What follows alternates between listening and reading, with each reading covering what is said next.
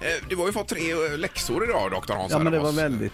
Ja, var det Ja. jobbigt? Eh, Ja det här med svampen är väl jobbiga så jag vet inte hur svamparna ser ut. Kantareller är de enda jag klarar. Ja, och sen kan man ju gå på torget och Ja, men köpa du kanske- flugsvamp också men Just det, men Ja. du kanske vet vad som händer i kroppen om man får i sig en sån här brun flugsvamp då, säger vi. ja då blir man ju väldigt sjuk. Man mår illa, man kräks, man får ont i magen. Och det är väl det som händer först och den kan ju komma lite sent va. Eh, Att Så det är fördröjning på det menar du? Ja lite grann fördröjning. En del svampar ger ju förgiftningen inom en till två timmar. En del kan ju dröja dagar innan det kommer. Ja, och Jaha, då är det aj, aj, aj. svårt att räkna ut att det är därför personen Ja. som kommer till dig då har ätit just svamp. Ja de kommer ju inte alltid ihåg det va. Nej, nej, Att det nej. var svampen när det kommer en vecka efteråt. Just det, men vad är det som händer i kroppen, alltså rent eh, fysiskt så att säga?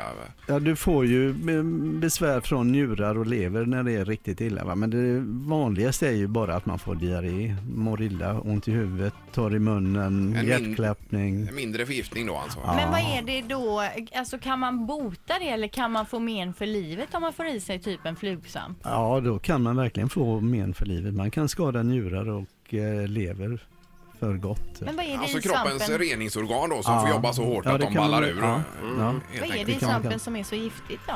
Ja, det finns ju olika. eh, Det beror på vilken svamp det är och vilka gifter det är som eh, gör det här. Så att det, en del skadar ju s- cellerna, en del... Ja, det är mycket som händer. Mm, Man ska Kan passa hända. sig helt Mm. Ja. enkelt. Man ska just det. passa sig för svamp. Ja. Kan man dö?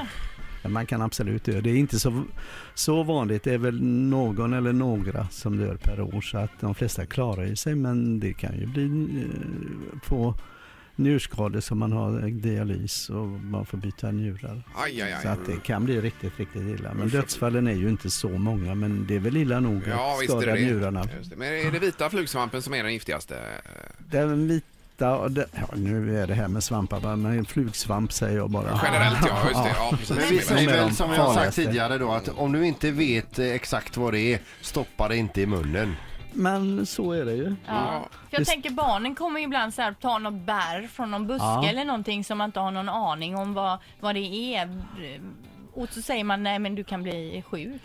Ja, men en liten tugga är ju sällan farligt utan det är ju när man har- sätter i sig en större mängd. Mm. Och en större mängd det kan ju räcka med en svamp alltså, men en tugga är sällan så farlig. Nej. Man, bo- man blir dålig. Och ett bär som man inte vet vad det är, det borde inte vara någon fara Sällan heller, va? dödligt, men man blir ordentligt sjuk och förhoppningsvis fattar det. Ett poddtips från Podplay. I fallen jag aldrig glömmer djupdyker Hasse Aro i arbetet bakom några av Sveriges mest uppseendeväckande brottsutredningar.